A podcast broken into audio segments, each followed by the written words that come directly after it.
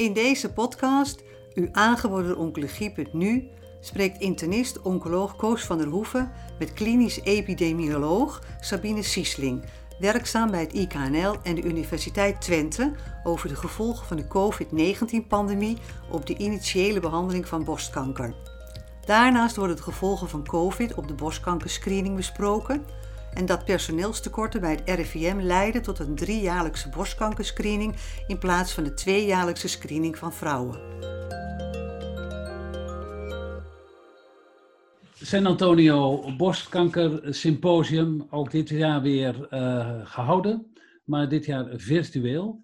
Ik ga praten met uh, een van de Nederlanders die daar een presentatie uh, hield. En dat is professor Sabine Siesling. Zij is klinisch epidemioloog, verbonden aan het Integraal Kankercentrum Nederland. En hoogleraar aan de Universiteit van Twente.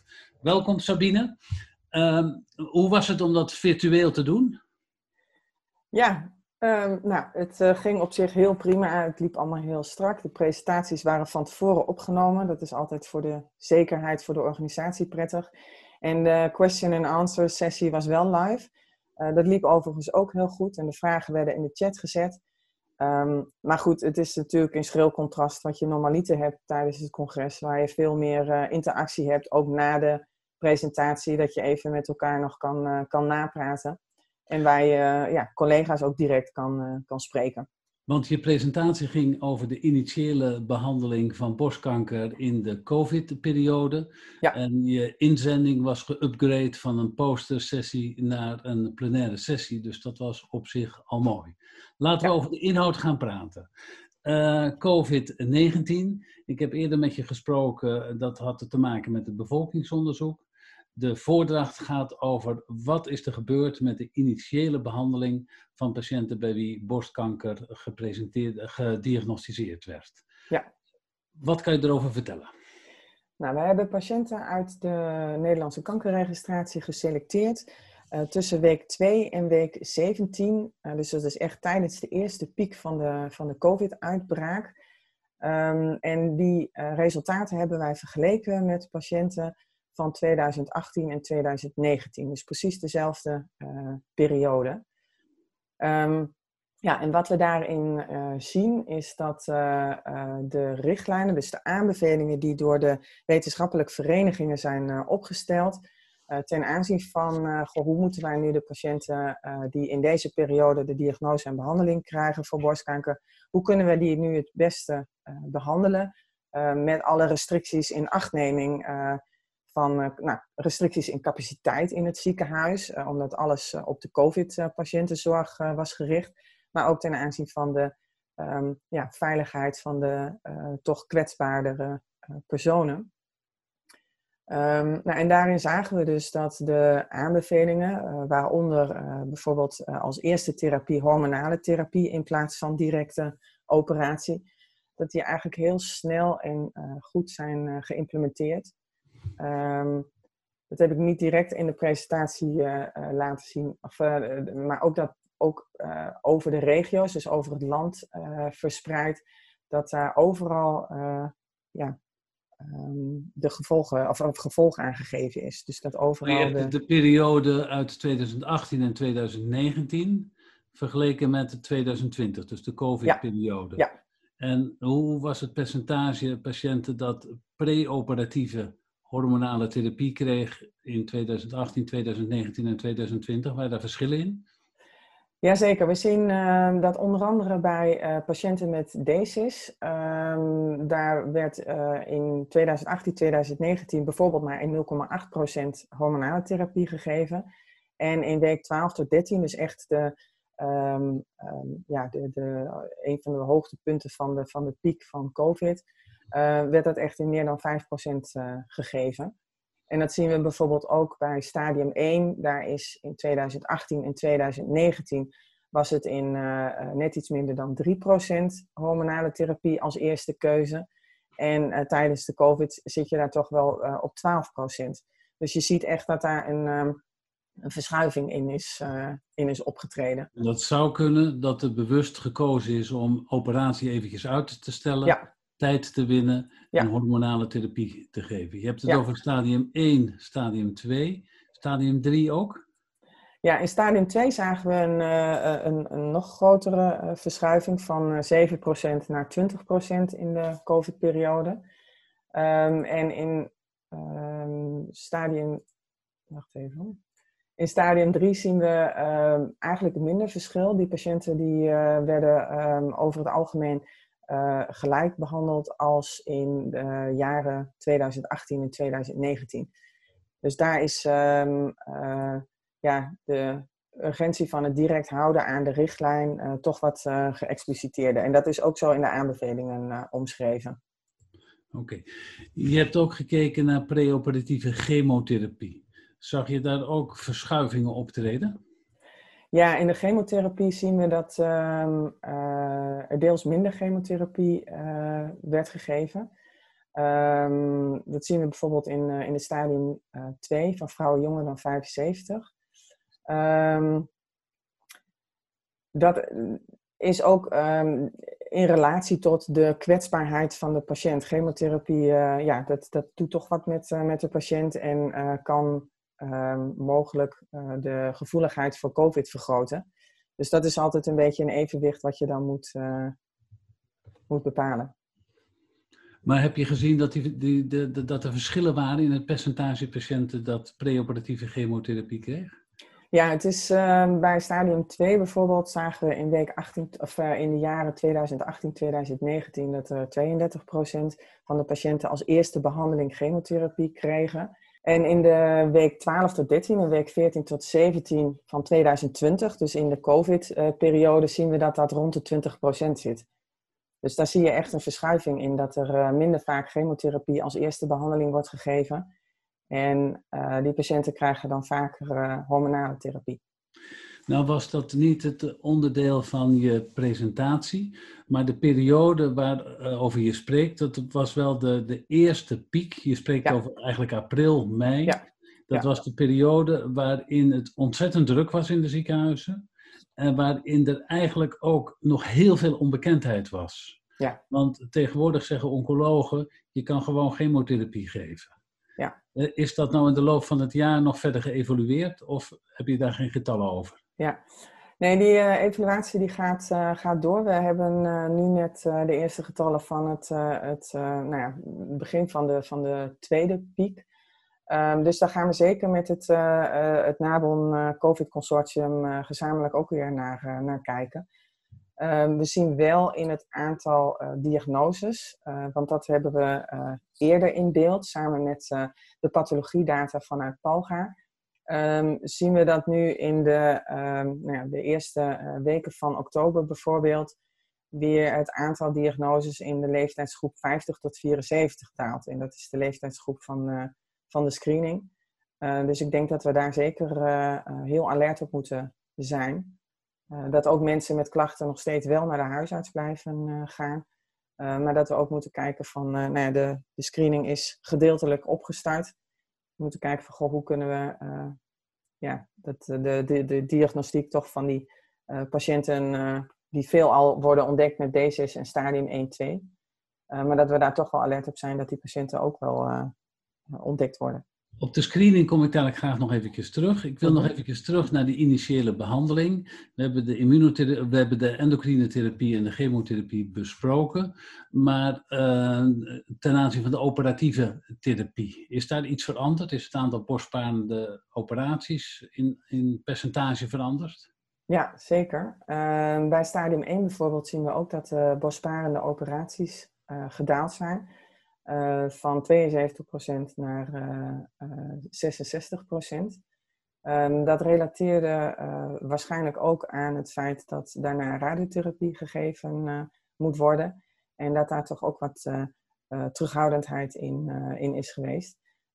de adjuvante therapie, dus het geven van radiotherapie en de dosering en de fracties, zullen we zeker in een in een vervolgtraject gaan, uh, gaan analyseren en uh, daar, heb nog, daar, heb je nog geen cijfers van, hè? want het idee bestaat dat het geven van radiotherapie in minder fracties, dat het eigenlijk heel uh, versneld is ingevoerd in Nederland. Maar daar ja. heb je geen cijfers over. Nee, daar hebben we nu nog geen harde cijfers over, maar uit um, interviews en, en gesprekken en zo blijkt inderdaad dat eigenlijk in elk radiotherapiecentrum de, ja, de fast-forward-studie is geïmplementeerd. Dus het aantal doses ehm, en fracties zijn omlaag gebracht en het is in een sneller tempo zeg maar, gegeven.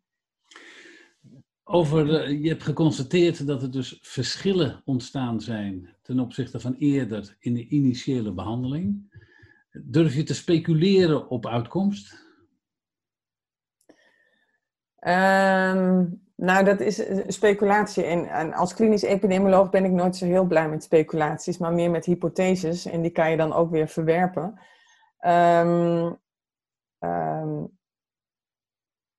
ik verwacht dat de patiënten die uh, behandeld zijn, uh, want de behandeling uh, is wel sneller gegeven. Dus bijvoorbeeld de eerste behandeling, zoals hormonale therapie, is meteen gestart.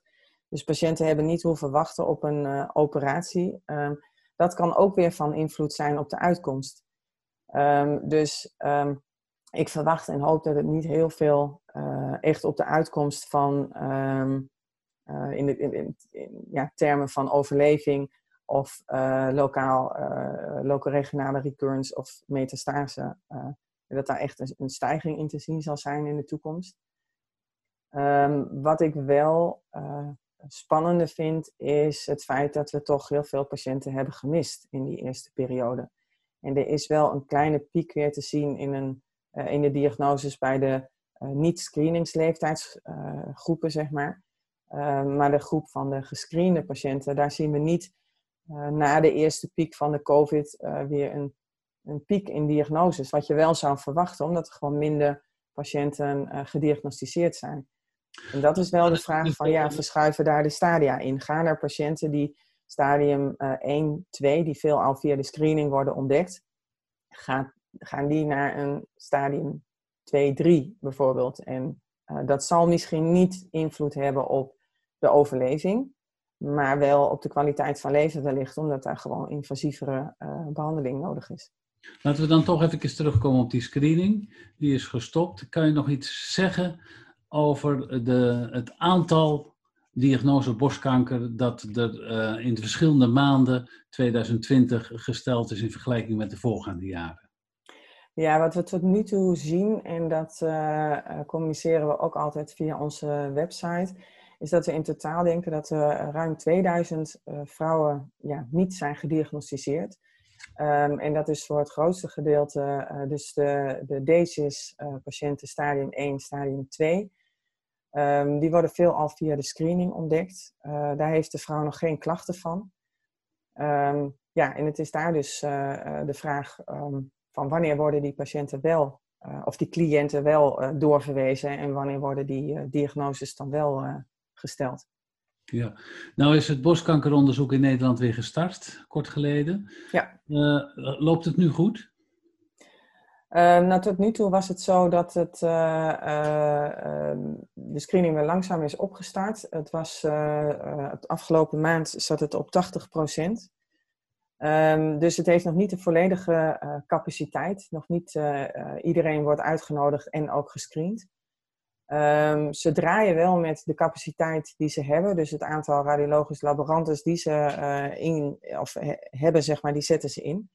Uh, maar er is al uh, zeer lange tijd gebrek aan radiologische laboranten. Stel ik dadelijk een vraag over.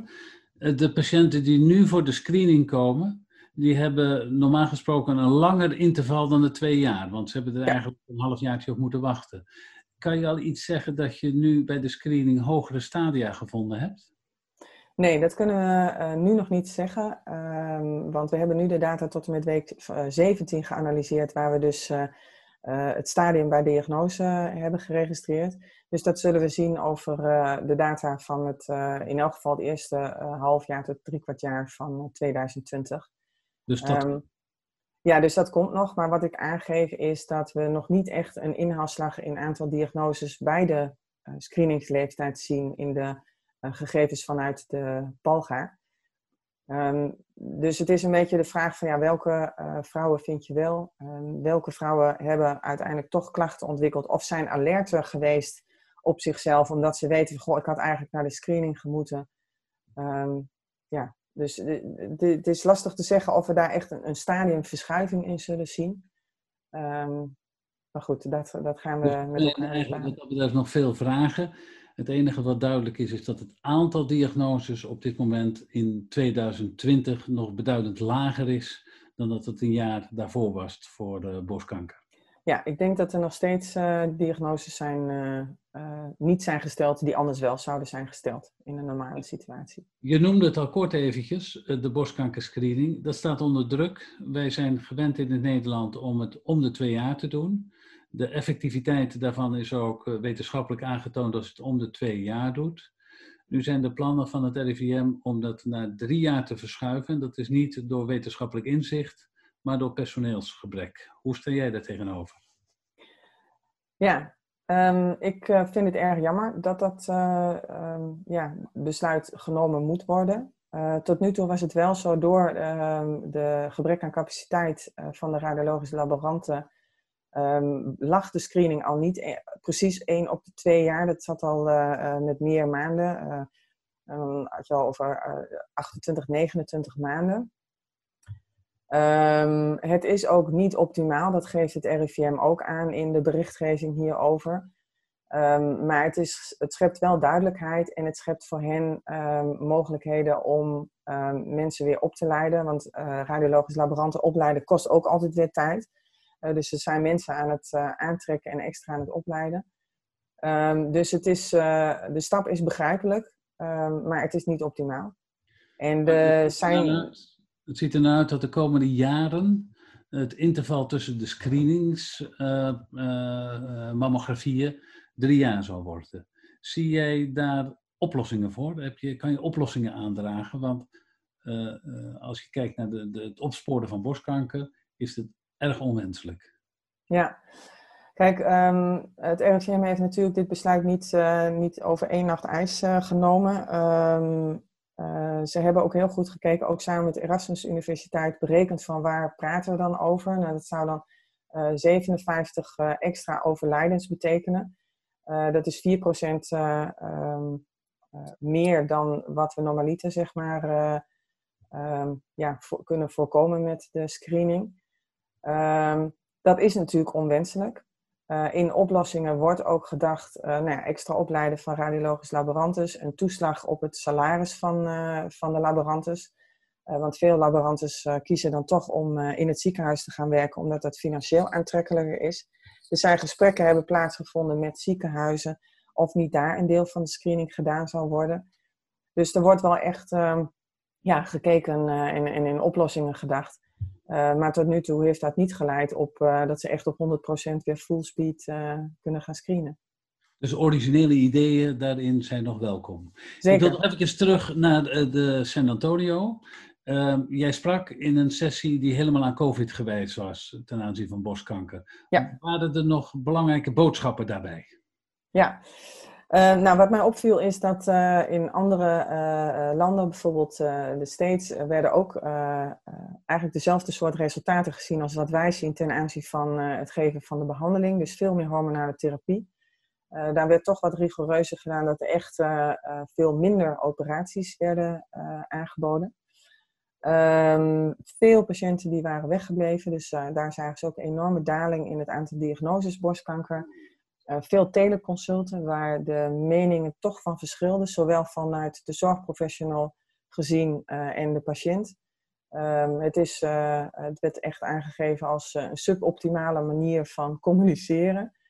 Um, dus dat, dat waren echt um, de ja, meest opvallende resultaten. er waren ook wel psychologen die onderzoek gedaan hadden en die op de stressthermometer, zeg maar, heel veel meer stress bij patiënten geconstateerd hadden die langdurige ja.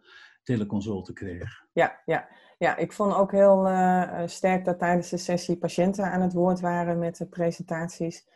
Uh, die aangaven hoe zij tijdens de COVID-periode de behandeling hebben ondergaan en hoe zij vond, het contact vonden zeg maar, met hun zorgverleners. En uh, nou, dat leverde toch echt wel heel veel stress op.